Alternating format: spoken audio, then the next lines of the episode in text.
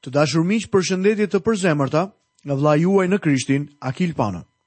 Mirë se erdhët në emisionin e sotëm dhe ju kujtoj që jemi duke studiuar nga libri i Ligjit të Përtërirë, kapitulli i 15. Pa humbur kohë le të fillojmë leximin tonë nga vargjet 16 dhe 17 të këtij kapitulli. Por në rast se ai thotë, nuk dua të largohem prej teje, sepse të do ty dhe shtëpinë tënde, sepse kam mbarësi bashkë me ty.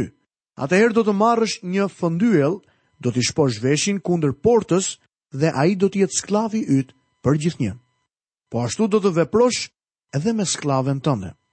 Tek libri i Eksodit kapitulli 21, pamë se një njeri mund ta shiste veten e tij si skllav. Nëse zotëria e tij i jepte një grua që ishte gjithashtu skllave e zotërisë së tij, Kur vinte viti shtunor, burri mund të largohej, por ndoshta mund të zgjidhte të rrinte me gruan dhe fëmijët, duke u bërë kështu një skllav i përhershëm i zotërisë së tij. Atëherë veshi i tij duhej shpuar për të treguar që do të ishte skllavi i zotërisë së tij përgjithmonë. Kjo është një pamje e mrekullueshme e Zotit Jezu Krisht. Ai e zbrazi veten e tij duke marrë trajtë shërbëtori.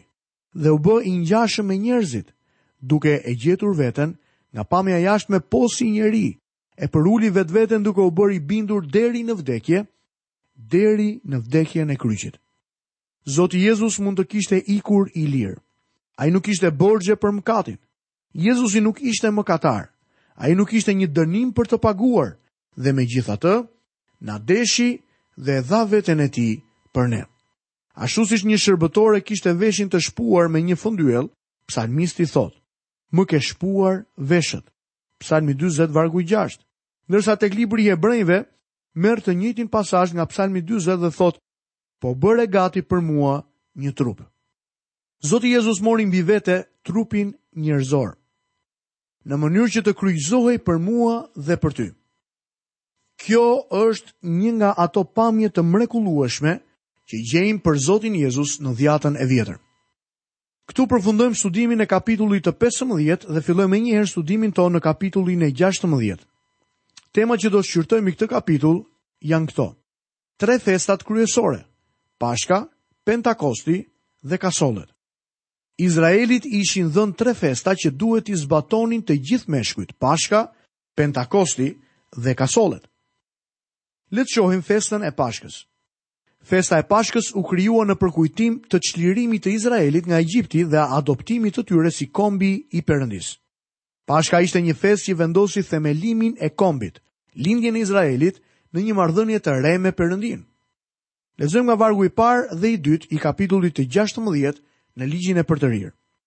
Respekto muajin e Abibit dhe kremto Pashkën për nder të Zotit Perëndisë tënd, sepse në muajin e Abibit Zoti Perëndia yt të nxorri nga Egjipti gjatë natës. Do t'i bësh fli pra Pashkën e Zotit Perëndisë tënd me bagëti të trasha dhe të imta në vendin që Zoti ka zgjedhur për të ruajtur emrin e tij. Për të marrë një sfond të festimeve të Pashkës, mund të shkoni tek Eksodi kapitulli 12, Bijtë e Izraelit ishin në skllavëri në Egjipt. Moisiu u zgjodh nga Perëndia për të drejtuar njerëzit e tij nga Egjipti për në Tokën e Premtuar. Faraoni refuzoi me kokëfortësi lirimin e tyre dhe Perëndia i zbuloi fuqinë e tij, duke sjellë fatkeqësi pas fatkeqësie mbi Egjipt. Në natën fatale, kur ndëshkimi final po zbriste mbi njerëzit, bijtë e Izraelit duhet të shprehnin besimin e tyre duke therur një qengj. dhe duke e vendosur gjakun e tij jashtë dyerve të shtëpisë. Me të parë gjakun, engjëlli i vdekjes do ta kursente atë shtëpi dhe të paralindurin e saj. Faraoni i liroi bijtë e Izraelit pas vdekjes së çdo të paralinduri egjiptas, përfshirë edhe të paralindurin e tij. Perëndia dëshironte që njerëzit e tij ta mbanin mend këtë çlirim të jashtëzakonshëm Prandaj krijoi festën vjetore të Pashkës. Lexojmë vargjet 5 deri në vargun e 8. Nuk do të mund ta flijosh Pashkën në çfarëdo qyteti që Zoti Perëndia yt të jep. Por do ta flijosh Pashkën vetëm në vendin që Zoti Perëndia yt ka zgjedhur për të ruajtur emrin e tij. Do ta flijosh në mbrëmje, në perëndim të diellit, në orën që dole nga Egjipti, do ta pjekësh viktimën dhe do ta hash në vendin që Zoti Perëndia yt ka zgjedhur dhe në mëngjes do të largohesh dhe do të kthehesh në çadrat e tua. Gjashtë ditë me radhë do të hash bukë të ndorme dhe ditën e shtatë do të mbahet një asamble solemne për nder të Zotit, Perëndisë tënd. Ti nuk do të bësh gjatë kësaj dite asnjë punë. Kjo ishte festa e Pashkës. Ajo duhet të festohej në një vend në Jeruzalem. Të gjithë meshkujt e Izraelit duhet të shkonin në Jeruzalem në atë kohë. Le të shohim më poshtë festën e Pentakostit. Vargjet 9 deri 11. Do të numërosh 7 javë. Fillo të numërosh 7 javë nga koha që fillon të korrësh grurin. Pastaj do ta kremtosh festën e javëve për nder të Zotit, Perëndisë tënd, duke bërë ofertat e tua vullnetare dhe kjo në masën që Zoti Perëndia yt të bekon. Dhe do të gëzohesh përpara Zotit, Perëndisë tënd, ti, biri yt dhe bija jote, shërbëtori yt dhe shërbëtorja jote, leviti që ndodhet brenda portave të tua dhe i huaji, jetimi dhe e veja që ndodhen në mes teje, në vendin që Zoti Perëndia yt ka zgjedhur për të ruajtur emrin e tij. Vini re që ata duhet të numëronin 7 javë pas Pashkës që janë 49 ditë dhe ditën e 50 do të ishte e shtunë. Për shkak se fjala greke për 50 ishte Pentakost, kjo festë u quajt festa e javëve ose e Pentakostit. Ajo quhet ndryshe edhe festa e korrjeve dhe dita e frutave të parë. Ajo festë frutat e para ose të hershme të të korrave. Lexojmë më poshtë dhe shikojmë çështjen e festës së kasolleve, vargu i 13. Do të kremtosh festën e kasolleve 7 ditë me radhë, mbasi të kesh mbledhur prodhimin e lëmit dhe të fushës sate. Kjo ishte një tjetër festë gëzimi. Ajo zgjaste 7 ditë dhe duhet të festohej në Jeruzalem, vendin e zgjedhur nga Zoti. Lexojmë vargjet gjashtëmbëdhjetë dhe shtatëmbëdhjetë. Tre herë në vit çdo mashkull i yti do t'i paraqitet Zotit Perëndisë tënd, në vendin që ai ka zgjedhur, në festën e bukëve të ndorme, në festën e javëve dhe në festën e kasolleve. Asnjë njeri prej tyre nuk do të paraqitet para Zotit duarbosh, por secili do të japë nga pjesa e tij simbas bekimit që Zoti Perëndia yt të ka dhënë.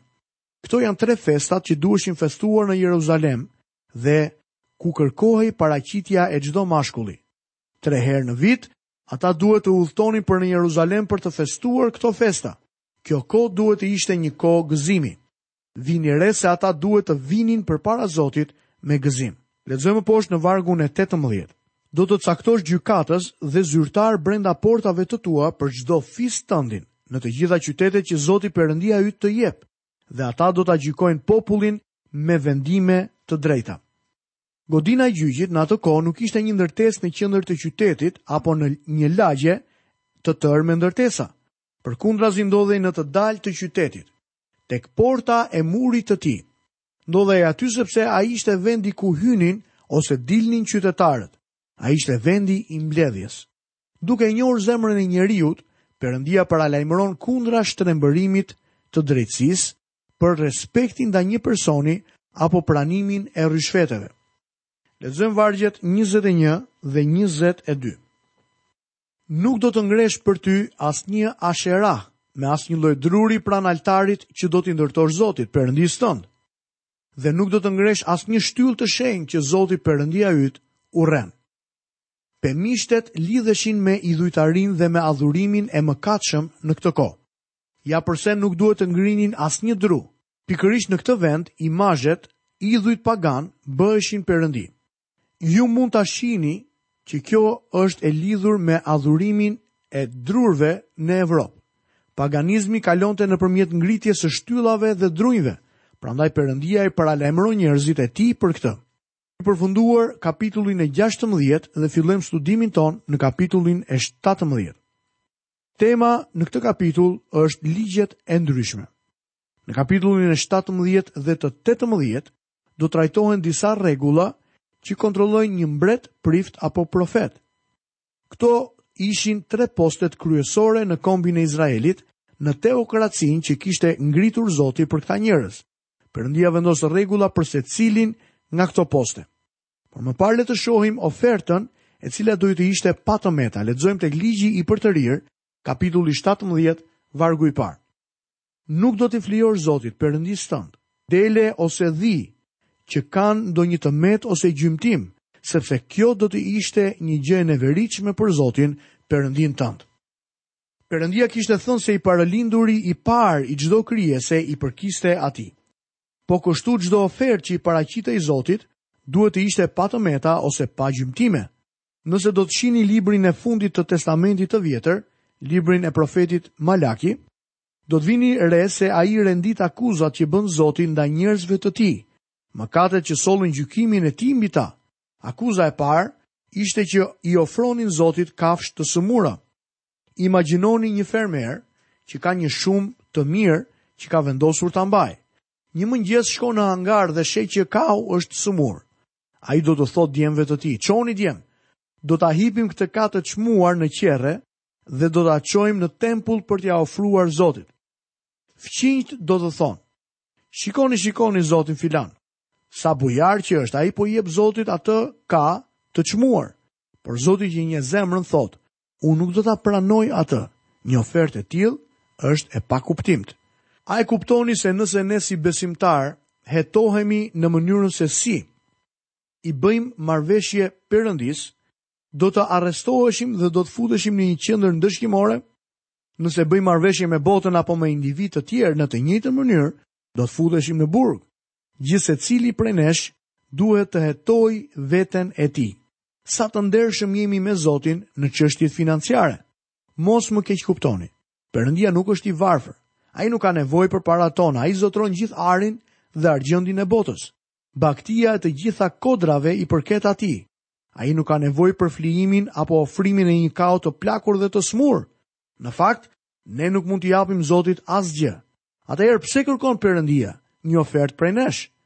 Ai na lejon t'i ofrojmë, sepse kështu shpirtrat tanë do të bekohen. Ne nuk do të bekohemi nëse jemi të varfër dhe koprracë me Perëndinë. Për shembul, Duhet të marrim parasysh atë çfarë bëjmë për fushën e misionit. Shumë njerëz sot që japin misionit dhe misionarëve sende që nuk i përdorin më ose rroba të dorës së dytë. Miqtë e mi, Perëndia nuk kërkon mbeturinat tona. Ai do më të mirën prej nesh. Zoti vetë dha Birin e Tij. Zoti kërkon që ne të japim dhe të ofrojmë për shërbesën dhe mbretërinë e Tij. Lexojmë nga vargu e dytë deri në vargun e pestë. Në rast se gjendet midis teje në një nga qytetet që Zoti Perëndia yt po të jep, një burrë apo një grua që bën atë që është e keqe për sytë e Zotit Perëndisë tënd, duke shkelur besëlidhjen e tij dhe që shkon t'u shërbejë perëndive të tjera dhe bie përmbys para tyre, para diellit, hënës apo tërë ushtrisë qiellore, gjë që unë nuk të kam urdhëruar, dhe që të është referuar dhe që ke dëgjuar të flitet për të, atëherë hetoje me kujdes dhe në qoftë se është e vërtetë dhe e sigurt që ky akt i neveritshëm është kryer në Izrael, do ta çosh në portat e qytetit tënd atë burrë ose grua që ka kryer këtë veprim të keq dhe do ta vrasësh me gurë atë burrë ose atë grua dhe kështu ata do të vdesin. Këtu jepet ligji kundra idhujtarisë. Nga ky shembull dhe disa të tjerë që na janë dhënë, mendoj se vdekja ishte dënimi për thyerjen e një nga dhjetë urdhërimeve. Sot ne jemi shumë të dashur dhe të civilizuar në thonjza, kështu që e kemi hequr qafe dënimin me vdekje. Por interesantja është se ne kemi një nga shoqëritë më me pak ligje që ka parë bota. A nuk kishte Perëndia të drejtë? Vrasja me gurë ishte dënimi për idhujtarinë. dënimi për shkeljen e kurorës, dënimi për blasfeminë e të tjerë. Do të vini re se ai përmend idhujtarinë që ishte e zakonshme në kulturën e asaj kohe.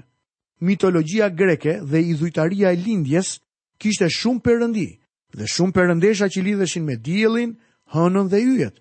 Në mitologjinë greke, Apollo ishte perëndia e diellit, Artemida, perëndia e hënës. Adhuronin krijesat në vend të krijuesit. Ku filloi e gjitha kjo? Mendoj që zanafillat ishin që në kullën e Babelit. Kulla e Babelit ishte në fakt një vend grumbullimi për të gjithë ata që ishin kundra Zotit. Pse?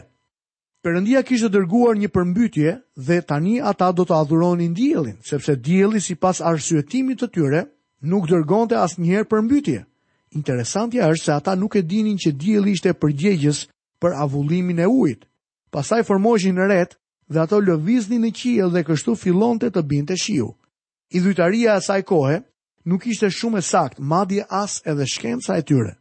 Ndoshta edhe shkenca e kohës së sotme Nuk ka fjalën finale. Shumë njerëz sot mendojnë se dituria njerëzore dhe njohuria e tij janë të sakta. Ne e dimë që në të kaluarën nuk ishte e tillë. Ata adhuronin diellin, hënën dhe yjet, sepse mendonin se trupat qiellorë ishin miqësorë me ta. Adhuronin trupat qiellorë në vend që të adhuronin Krijuesin që i bëri të gjitha këto. Lexojmë vargun e gjashtë. Ai që duhet të vdesë do të dënohet me vdekje me deponimin e dy apo tre dëshmitarëve, por nuk do të dënohet me vdekje askush me deponimin e një dëshmitari të vetëm. Vini re se sa me kujdes i mbron Zoti të pafajshmit. Një person i vetëm nuk mund të vraponte tek autoritetet për shkak se nuk i pëlqente fqinji i tij dhe ta akuzonte se adhuronte diellin, perënditë e Babilonisë Baalin, Afërditën ose ndonjë zot të rremë. Për të dënuar një person, duhet të ekzistonin të paktën dy ose më shumë dëshmitarë. Në shoqërinë tonë, një dëshmitar mund të dërgojë një person në dhomën e gazit ose në karrikën elektrike. Personalisht mendoj që kjo nuk duhet të lejohet. Perëndia kërkon gjithmonë dy ose më shumë se dy dëshmitarë. Perëndia është shumë i drejtë në marrëveshjet e tij. Të dashur miq, Vazhdojmë studimet tona në kapitullin e ligjit të përtërirë dhe në emisionin e ardhshëm do të vazhdojmë studimin tonë mbi kapitullin e 17 të ligjit të përtërirë dhe çështjet janë duke u bërë sa më shumë interesante. Ju kujtoj që studimin tonë për sot po e përfundojmë për shkak se minutave tona i ka ardhur fundi.